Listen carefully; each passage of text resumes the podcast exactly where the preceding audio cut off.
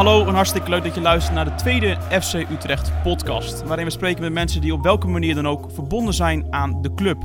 Vandaag spreek ik met een man die sinds 2011 werkzaam is in de Domstad. Dagelijks staat hij op het veld. Van jongetjes moet hij kerels maken. Ik heb het over Robin Pronk. Welkom Robin. Dankjewel. Ja, je zit alweer de nodige jaren bij, uh, bij Utrecht. Vliegt het? Nou, ik merk wel dat uh, heel veel dingen snel voorbij gaan. Uh, misschien is dat ook de leeftijd. Maar ja, we leven inmiddels denk ik in een, in een snelle wereld. Ja, wat, wat verandert er zoal? Um, nou, kijk, als je het natuurlijk op het huidige tijdperk richt met het werken met jonge mensen, ja, dan zijn die natuurlijk veel individueler ingesteld, valt mij op tegenwoordig. Um, ja, veel gaat, zoals dat heet, via de digitale snelweg. He, dus iedereen uh, ja, volgt alles nauwlettend, uh, is snel op de hoogte van ontwikkelingen. dus dat, ja, dat merk je wel in het dagelijks werk, met, ook met Jong FC Utrecht. Ja, je zegt inderdaad individueel. En dat is misschien ook wel waar, waar Jong Utrecht voor staat. Um, ja, um, kijk, het zijn natuurlijk jongens die ambitie hebben en die hebben een droom. En die droom is profvoetballer worden. Ja, dan ben je in eerste instantie uh, natuurlijk enorm op jezelf gericht. Hè, want jij wil die droom waarmaken. alleen, um, het is wel een sport hè, en een spel hè, waarbij het gaat om een team. En het team kan jou helpen hè, om die eventuele droom om profvoetballer te worden waar te maken. Want zonder ondersteuning en zonder een goede samenwerking binnen het spel red je het als individu ook niet. Nee, we gaan het zo meteen uh, uitgebreid hebben over uh, Jong Utrecht en ook de A1 waar jij trainer van bent geweest. Maar goed, die tijd voor Utrecht, van 98 tot 2011, was jij werkzaam bij Ajax. Trainer van de D2, D1, B2 en ook de B1. Met welke jongens heb jij daar samengewerkt? En dan bedoel ik jongens op het veld. Ja, um, ja zo heette dat toen nog, hè, D1 en B1. Hè, tegenwoordig heet dat onder 17 en onder 13. Ja, kijk, dan praat je over het, uh, het tijdperk uh, in de jeugd van uh, Christian Eriksen, Davy Klaassen, Daley Blind. En dan heb je het met name over die generaties maar jij noemt 1998. Um, daar zit nog een hele periode voor. dat ik bij FC Koude gewerkt heb. daar ben ik eigenlijk begonnen in 91. als een vrijwilliger op woensdagmiddag. met, met F-pupillen. En ja, ook die tijd uh, heeft een heleboel uh, leuke, interessante ontwikkelingen gebracht. En ook jongens die in betaalde voetbal gekomen zijn vanuit FC Apkoude toen. Dan heb ik het over de jaren 90. En net gaf je al aan, de tijd gaat snel. Ja, dat blijkt. Want jongens die toen bij mij eh, begonnen als D-pupil... Ja, die zijn nu aan het einde van hun carrière. En worden ook al in sommige gevallen trainer. En dan moet je denken aan jongens als uh, Serginho Green... Uh, Gijs Luirink... Uh, Gerald Promes, die nu nog bij VVV speelt. Maar dat zijn dus ook jongens nu al uh, van in de 30 dus ja, zo lang zijn we al bezig met, met jeugdopleiden. Ja, van jouw vader weten we, ruim 300 wedstrijden bij Ajax, ook de nodige interlands, het Nederlands elftal. Is die voetballiefde dankzij hem ontstaan? Dat zal ongetwijfeld van invloed zijn. En ook voor hem geldt trouwens nog een aantal wedstrijden voor FC Utrecht. Hè, net na de oprichting van FC Utrecht. maar ehm, ja, goed, kijk, ik ging met hem mee ehm, ja, naar alle, alle activiteiten, wedstrijden die hij deed. Hè, uiteindelijk als scout hè, bij Ajax. maar met name ook daarvoor, toen hij nog trainer was bij IJsselmeervogels. Hè, toen uh, zat ik net op de middelbare school, maar ik ging heel vaak met hem mee, uh, met name op de zaterdagen. Ik denk dat misschien daar wel uh, het meeste is ontstaan. Dat ik dacht van hé, hey, dat is misschien op termijn ook wel eens leuk om om trainer te worden. Maar goed, eerst probeer je natuurlijk nog voetballer te worden. Ja, je hebt het geprobeerd als voetballer, maar... Nou goed, dan kom je uiteindelijk tot, tot eh, de, ja, laat ik zeggen, de top van het amateurvoetbal. En eigenlijk als voetballer was ik ook al trainer. Dat, uh, dat merk je dan wel. Um, en mijn fysieke uh, aanleg nou ja, stond niet toe, denk ik, dat ik uiteindelijk betaald voetbal haalde. Ja, je zei het al een heel klein beetje. Mijn vader was werkzaam als scout. hij was betrokken bij onder andere transfers van Jari Liedmanen, Fine D. George, Canu natuurlijk, Slatan, Kivu. Geeft dat kippenvel als je uiteindelijk ziet wat voor een, een grootheden dat in de voetballerij zijn, zijn geworden? Ja, dat is wel een indrukwekkend rijtje, denk ik. Zeker uh, als je weet ook wel uh, hoe dat toen ging. Met, scouting en het uh, ontdekken van spelers. Ja, dat is nu bijna niet meer mogelijk. Nu zit de halve wereld te kijken bij wedstrijden en, Europese toernooien. Ik ging ook wel eens met hem mee. Um, jij noemt nu een aantal namen. Um, als ik nog verder terug ga, dan hebben we het misschien ook nog wel over de generatie Jesper Olsen dat zal ik nooit vergeten. Dat was de eerste keer. Toen was ik ook, uh, ik denk een jaar of acht, mocht ik met hem mee. En uh, dat was voor mij voor het eerst ook met een, uh, met een vliegtuig mee. naar, naar Denemarken, naar Kopenhagen. En ik weet nog dat hij eigenlijk voor een andere speler ging kijken.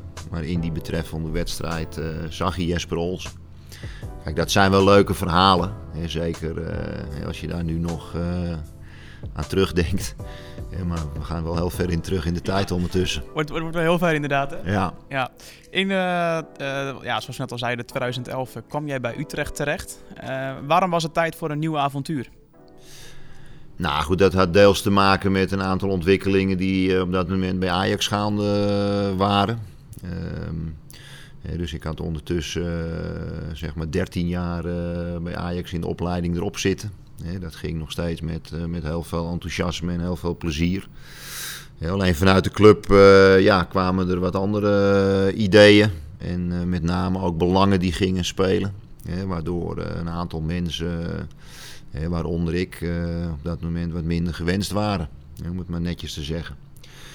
Ja, toen meldde Utrecht zich vrij snel daarna. En ehm, nou, dat had te maken met een uh, ja, zeg maar vacature die, uh, die ontstond bij de FC Utrecht onder 19. Als je uh, kijkt wat je hebt meegemaakt als trainer bij Ajax en, en, en waarmee je toen bij Utrecht aankwam, ja, wat voor bagage had je als trainer? Nou ja, kijk, uh, op dat moment wat ik net al zei, uh, je werkt al, al 13 jaar uh, bij een topopleiding. Daarvoor werk je 7 tot 8 jaar bij een hele goede jeugdafdeling van een amateurclub, ook hier in de provincie in Apkoude. dus op dat moment heb je al ongeveer een jaar of twintig ervaring ehm, in het werken met jeugdspelers. En ook nog eens met hele talentvolle jeugdspelers. Plus daarbij um, heb ik ook tot 2004 uh, eh, in het basisonderwijs voor de klas gestaan. Um, nou ja, die combinatie van al dat soort uh, activiteiten en ervaringen die je opdoet, ja, dat maakt je op een gegeven moment tot wie je bent. Iedereen begint vaak over Ajax. Um, ik begin ook vaak over FC op Koude. Waarom? He, omdat ik daar misschien wel het meeste geleerd heb. He, want op het moment dat je bij een amateurclub werkt, dan ben je niet alleen trainer. Maar je bent ook chauffeur, je bent ook keeperstrainer, ehm, je bent ook uh, bewijzen van fysiotherapeut. Kortom, wat ik daarmee wil zeggen is, je moet alles regelen, je moet alles organiseren. En dat op een gegeven moment gekoppeld aan cursussen die je gaat doen. Ja, dan, dan doe je een, schat aan ervaring op. En toen ik ook bij Utrecht kwam, was dat ook een van de doelstellingen met de toenmalige mensen. Dat was Henny Lee, die net als uh, hoofdjeugdopleiding begonnen was dat eh, de opdracht die ik ook meekreeg naast het trainen van onder 19 was gewoon mijn expertise, mijn visie, mijn ideeën over opleiden. Om die ook in te brengen binnen, eh, binnen de club. Ja, we zitten nu in een uh, skybox in uh, stadion Galgenwaard. Uh, we kunnen door de hoek nu Zoudenbalg zien liggen. Ja. Alhoewel, we zien nogal de bomen die, die, vol, die vol in blad staan, maar we kunnen er doorheen kijken. Het is mooi weer, dus het ziet er netjes uit. Precies. We, we zien daar Zoudenbalg, het, het domein waar jij dagelijks werkt. Um, toen je in 2011 daar kwam, met wat voor talenten, namen die nu zijn doorgebroken, kreeg jij toen te maken? Um, ja, de eerste groep die ik toen had, um, ja, daar zat onder andere Yazin Ayoub in. Um, die ging daarna al vrij snel uh, kortstondig richting de belofte en uiteindelijk het eerste. Maar dat was die groep. En dan heb je het over jongens die ook nog wel bij het eerste betrokken zijn geweest later. Als zijn de Elroy Papot, uh, Yannick Korti kan ik me herinneren.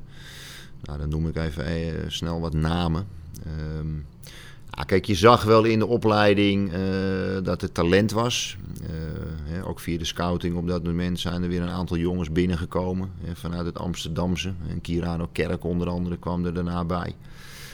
Sean Kleber was er al. Ehm, alleen ja, ehm, hoe te trainen, hoe spelers te ontwikkelen, vanuit wat voor visie. Ehm, ja, daar was nog wel heel veel winst in te behalen. daar zijn we met name mee aan de slag gegaan. Ehm, een klimaat ontwikkelen van ja goed, eh, hoe ga je met jeugd om? Uh, welke accenten leg je in training? Ehm, hoe ga je teamontwikkeling eh, koppelen aan individuele ontwikkeling? want wat ik net al helemaal in het begin zei. kijk, individuele ontwikkeling, dat is waar het uiteindelijk om gaat. het gaat maar om één ding, dat wij spelers opleiden die hier in het eerste komen en in dit stadion komen. alleen, dat moet wel binnen een team want je moet 11 tegen 11 spelen en je moet weten, als jij rechtsback bent, eh, wat er van je verwacht wordt in combinatie met je medeverdedigers en met je middenvelders. Dus nou ja, goed, daar, daar zijn we met name enorm mee aan de slag gegaan. Hoe ga je individuen ontwikkelen binnen, binnen een team? Ja, jij hebt uh, gewerkt met, ehm, zo blijkt later, tal van grote talenten. Ook met een jongetje, daar gaan we nu naar luisteren, een fragment, die hier elf was. Toen uh, zijn broer, die al was doorgebroken, met een cameraploeg van RTL naar een pleintje kwam. Een beetje uh, borst vooruit, hè? je recht staan. Hè? Wat moet jouw broer nou nog uh, beter doen? Wat moet hij nog leren? Meer overzicht. Meer overzicht? ja, ja. Hij was soms, soms te veel voor eigen succes, maar dat hoort erbij. Hè? Goeie coach, hè? Geef hem bereikbare tips. Ja, wel eens uh, bij wat. Als hij niet zo goed speelt of zo, riep ik hem even en zei ik maar wat dieper staan of meer vooracties of acties of iets. Ja. Ik deed het ook wel vaak. Luistert hij dan een beetje naar je? Ja. Ja, wel verstand van voetbal. Hè. Wel, uh, zet wel goede dingen. Haal die fietsjes weg. Robin, een uh, glimlach op je gezicht. Heb je gelijk door om wie het gaat? Ja, dat, het gaat om de, om de familie, hè? De familie Amrabat. Ja. Nou ja, goed, je vroeg net naar Ajax. Kijk, Nordin, hè, de, de oudste, die heb ik toen ook bij Ajax gehad die, eh, die kwam toen uit Huizen. En toen inderdaad later kwam ik hier uh, met, uh, met Soufian in, in contact. Ja, kijk, als je, als je naar het hele traject kijkt van, van Soufian, want daar wil je waarschijnlijk ook naartoe. Absoluut. Ja, kijk, dat, dat is wel het, het, mooie voorbeeld van, van hoe, een, hoe een, een, een, ontwikkeling van een speler kan of eigenlijk moet gaan. kijk, en Soufian was een van die jongens, als je het dan hebt over talentvol, dat was wel duidelijk die speelde hier al een aantal jaren. Ik meen vanaf de C-junioren, misschien zelfs al vanaf de D-pupillen. alleen wat mij bijvoorbeeld opviel uh, toen hij nog in de B-junioren zat, is dat hij eigenlijk uh, het groot deel van de week uh, lag hij op de massagetafel. En er was altijd wat los. Um, en dan ging hij op vrijdag ging hij wel trainen. Ja, en dan ging hij op zaterdag ging hij spelen. Nou, een van de eerste dingen toen hij bij mij naar A-junioren kwam, is dat we dat hebben gaan proberen om te buigen. Ja, ik weet nog goed dat we op trainingskamp waren in België. Dat was een van de eerste weken in de voorbereiding. En uh, we hadden een toernooi ook in België. We waren met 22 man, maar we mochten elke dag met 20 spelers inzetten. Dus dan moesten er twee uh, per dag uh, trainen en niet spelen. Nou, de eerste dag was Soufian een van die twee. Ja. Nou ja, goed, dat had hij natuurlijk allemaal nog nooit meegemaakt. Van wat gebeurt hier nou? Ik speel overal in de C en in de B-junioren elke week. En uh, daar ben ik, uh, zoals hij dat ervaarde, een belangrijke speler. Nou, dat uh, was natuurlijk in A-junioren in beginsel even anders. Kijk, en dan kom je op het punt, als je het hebt over talentvolle spelers, van hoe gaan ze daar vervolgens mee om? dus ik vind vaak ook een jongen pas een talent. niet alleen als alles goed gegaan is, maar met name op het moment als het even tegen zit, of er is even teleurstelling, of er zijn hobbels op de weg. hoe gaan ze daar dan mee om? En kunnen ze daar ook goed mee omgaan en komen ze daar ook weer overheen. Ja, dan kan je misschien voorzichtig gaan praten over talentvolle spelers. Ja, Soufian die ging daar uiteindelijk goed mee om. Want die dacht wel van ja goed, wat mij hier gebeurt. ik zal eens even laten zien wie ik ben. En ik zal eens kijken uh, uh, wat die trainer uiteindelijk van me vindt. Maar ik ga laten zien en ik ga uh, knokken om in dat elftal te komen. Nou ja, dan is dus precies hetgeen wat ik wil bereikt want dan moeten spelers, uh, nou, zoals we dat dan noemen, echt uh, goed voor de dag gaan komen. Ja, en dat deed hij. Dus na een aantal weken in dat seizoen eh, ja, kwam, hij, kwam hij steeds beter tevoorschijn en ging hij zich ontwikkelen. En, en kon ik heel specifiek met hem aan de slag. met de dingen waar hij eh, kwaliteit in had. want dat is ook een van mijn dingen binnen het, de visie op jeugdopleiden. Ga aan de slag bij spelers met met name hun specifieke kwaliteiten. En die had hij natuurlijk. Ehm, nou, die hebben we uiteindelijk hier allemaal kunnen zien. Eh, diepgang op het middenveld, eh, fysieke kracht, ballen afpakken, eh, eh, kort op de tegenstander komen, ehm, eh, het spel naar zich toe trekken. Dus dat waren allemaal punten die we met hem zijn gaan ontwikkelen. Ik vind het moeilijk om ze uiteindelijk los te moeten laten. Soufiane is dan een, een mooi voorbeeld dat zo'n jongen rijp genoeg blijkt te zijn voor het eerste. Nee, dat is niet moeilijk, want dat is alleen maar mooi. Mits het op het juiste moment gebeurt. En je weet nooit of het het juiste moment is, dat moet altijd maar blijken. Een ander groot talent uit die periode, zeg ik ook eerlijk, Bart Ramselaar. Ehm, eh, ging ook heel snel op een gegeven moment. Daar was ik wat huiverig over van, is die er al aan toe? Maar ja, dan zie je ook weer, die pakte het uiteindelijk ook. Dus dat vind ik niet moeilijk om ze los te laten, want dat is alleen maar goed en alleen maar mooi als dat eh, gebeurt. En meestal zeg ik dan ook, eh, doe je best, succes en ik hoop je niet meer terug te zien. Ik hoop je niet meer terug te zien. Nee, Soufiane die eh, zag je misschien wel terug op tv. Dat was op eh, 15 juni 2018. Broer Noordin viel toen uit op het WK tegen Iran. Komt hij in het veld. Zit je dan voor de tv met zo'n grote glimlach? Nou goed, ik, ik, heb, ik heb natuurlijk eh, die hele ontwikkeling van hem eh, nadrukkelijk gevolgd. Ja goed, en als ze dan uiteindelijk ook nog op de WK komen, ja, dan is dat natuurlijk voor die jongens is dat het ultieme. Hè, maar ehm, eh, als het al een glimlach is, ja, dan, dan ben ik net zo trots en heb ik een glimlach op het moment hè, dat andere jongens vanuit onze opleiding hier een opwachting maken. Eh, daar zit voor mij niet zoveel onderscheid in of het een WK is of een competitiewedstrijd of eh, wat dan ook. Ja, we gaan naar de rubriek De Socials. Wat wordt gezegd over eh, Jong Utrecht? Over Robin Pronk.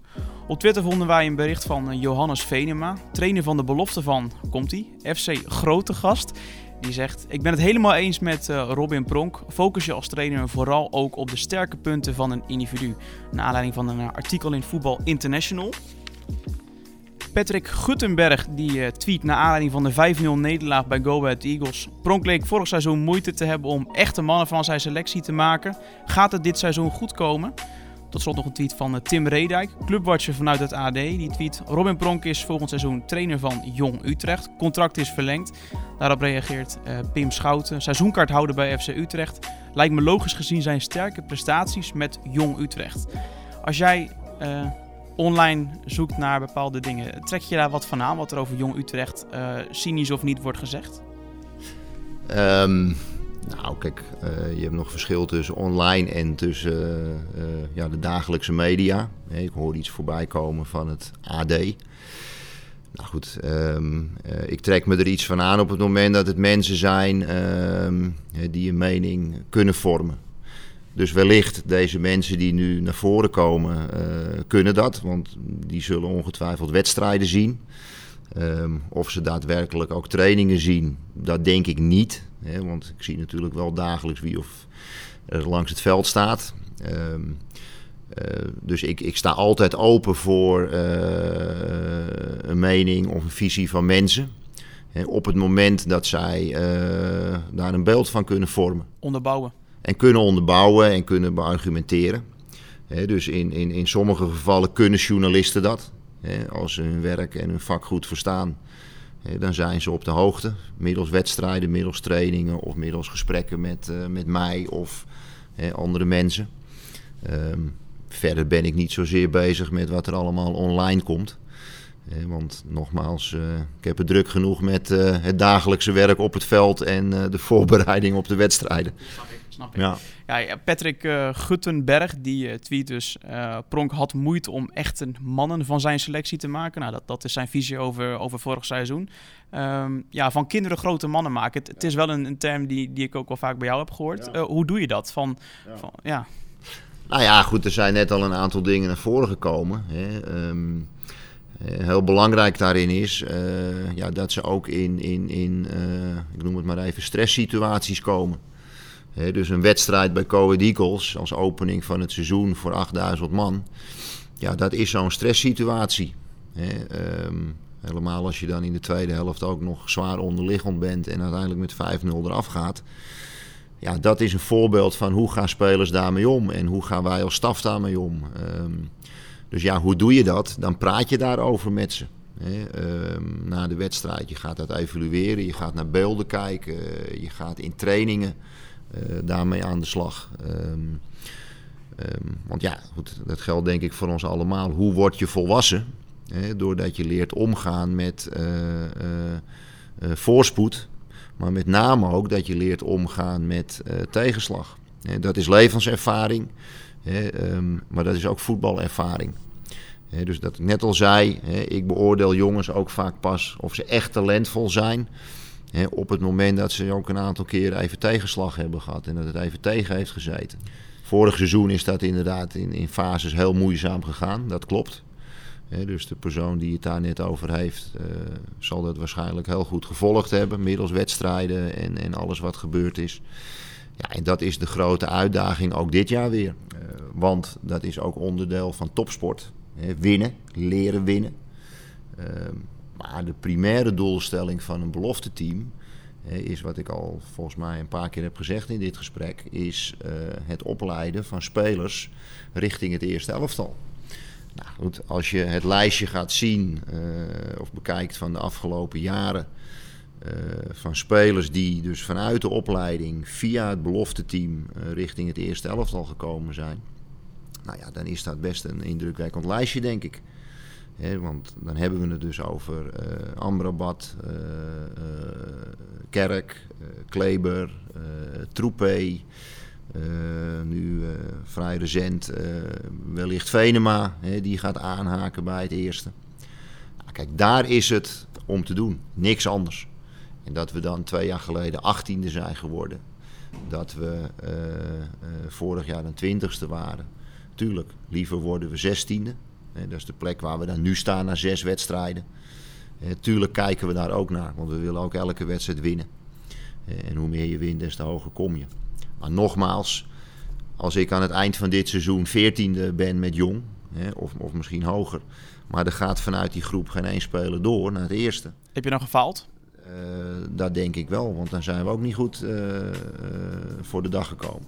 Gaan we naar de rubriek eens of oneens? Nou, ben benieuwd. Ja, daar, daar, we gaan gewoon gelijk beginnen. Daar komt hij, de eerste. Dit seizoen eindigen wij sowieso twee of drie plekken hoger dan vorig seizoen. Eens.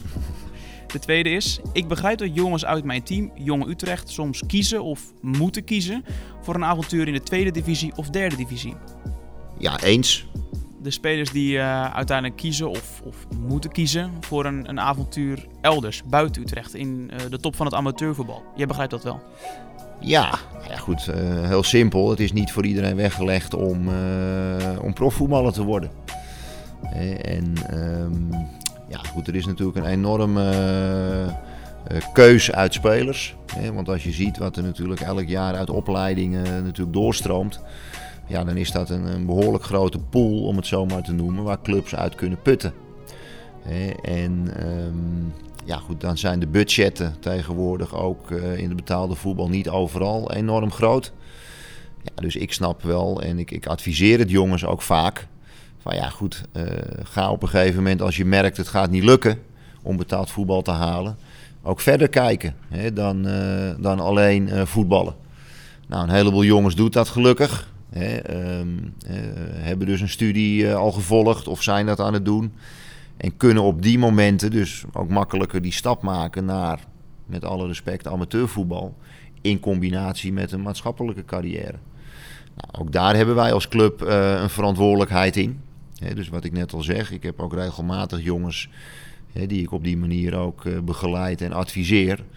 Van oké, okay, uh, ik denk dat het voor jou nu verstandig wordt om ook verder te gaan denken dan uh, betaald voetbal. Ja, en dat verder denken dan betaald voetbal, dat deed je ook al bij Ajax. zoals te horen in de fragmenten uit de documentaire, daar hoorden zij Engelen zingen. We zijn gewoon van mening dat we over de hele lijn van de dingen die jij zou moeten kunnen in de D1 van Ajax aan het eind van het seizoen. En die je dan mee kan nemen naar de C2. En gewoon voor het Ajax-niveau nu tekort komt. Voor mij persoonlijk zie ik er ook weer de positieve dingen Ja. van in. Ik bedoel, eh, we zijn zo gebonden. Ja. Kijk, en dat, dat hebben we altijd voor over gehad Ja. hoor. Maar nu heb ik zoiets van, ach, we kunnen weer lekker lang eh, op vakantie. Ja. We kunnen weer lekker een weekend weg. Hij kan weer eens een keertje naar een film kijken in het weekend. Ja. Kijk, en dat zijn toch Robin, herken je het nog als de dag van gisteren? Nou, niet zozeer alleen als de dag van gisteren, maar dit zijn natuurlijk gesprekken hè, die je eh, ja, jaarlijks hebt met spelers, om het zo maar te noemen. Want ja, dat is inherent aan het systeem eh, van waaruit wij werken met een opleiding. Het is topsport, eh, het gaat om de beste. Die leid je uiteindelijk op voor betaald voetbal. En dan elk jaar eh, ja, vallen er ook weer jongens af. Ehm, dat, dat, dat, dat gebeurt eh, bij de D-pupillen, dat gebeurt bij de C-junioren, dat gebeurt ook bij Jong FC Utrecht. Alleen is het ook onze taak, hè, en ik vind ook in, in sociaal-emotioneel opzicht, hè, dat je eh, kinderen hè, of jongvolwassenen in het geval van Jong Utrecht, daarin ook eh, goed kan duidelijk maken waarom je bepaalde keuzes maakt. En waarom jongens afvallen. Hè, ehm, eh, en dat je dat goed kan uitleggen.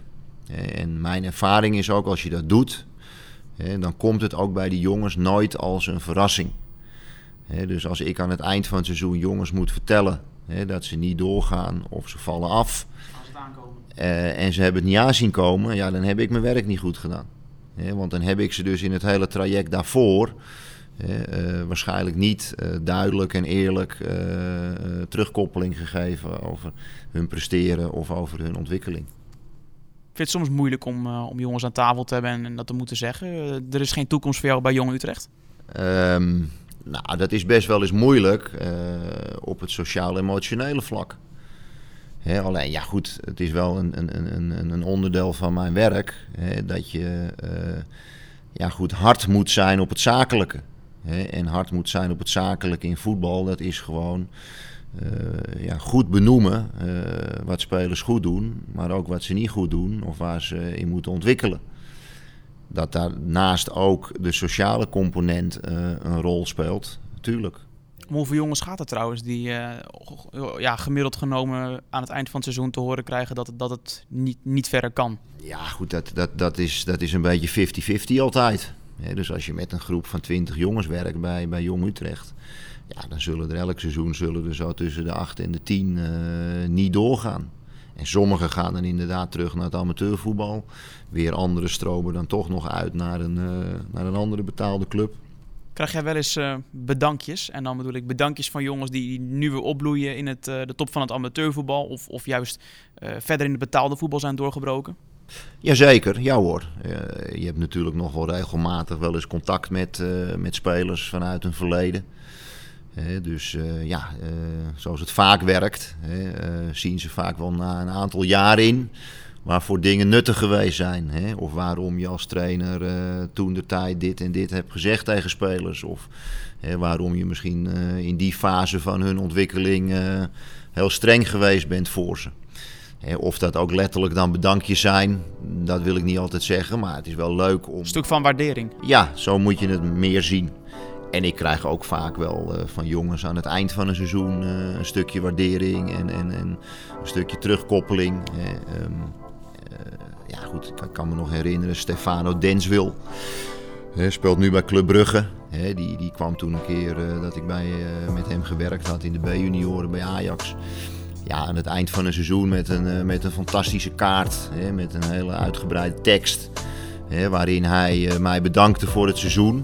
Uh, maar waarin hij ook ja, al heel volwassen omschreef hè, hoe hij dingen had ervaren en hoe hij ja, tot, tot een bepaald inzicht was gekomen naderhand. Hè, waarom ik met hem bepaalde gesprekken had gevoerd en bepaalde dingen naar voren had gebracht.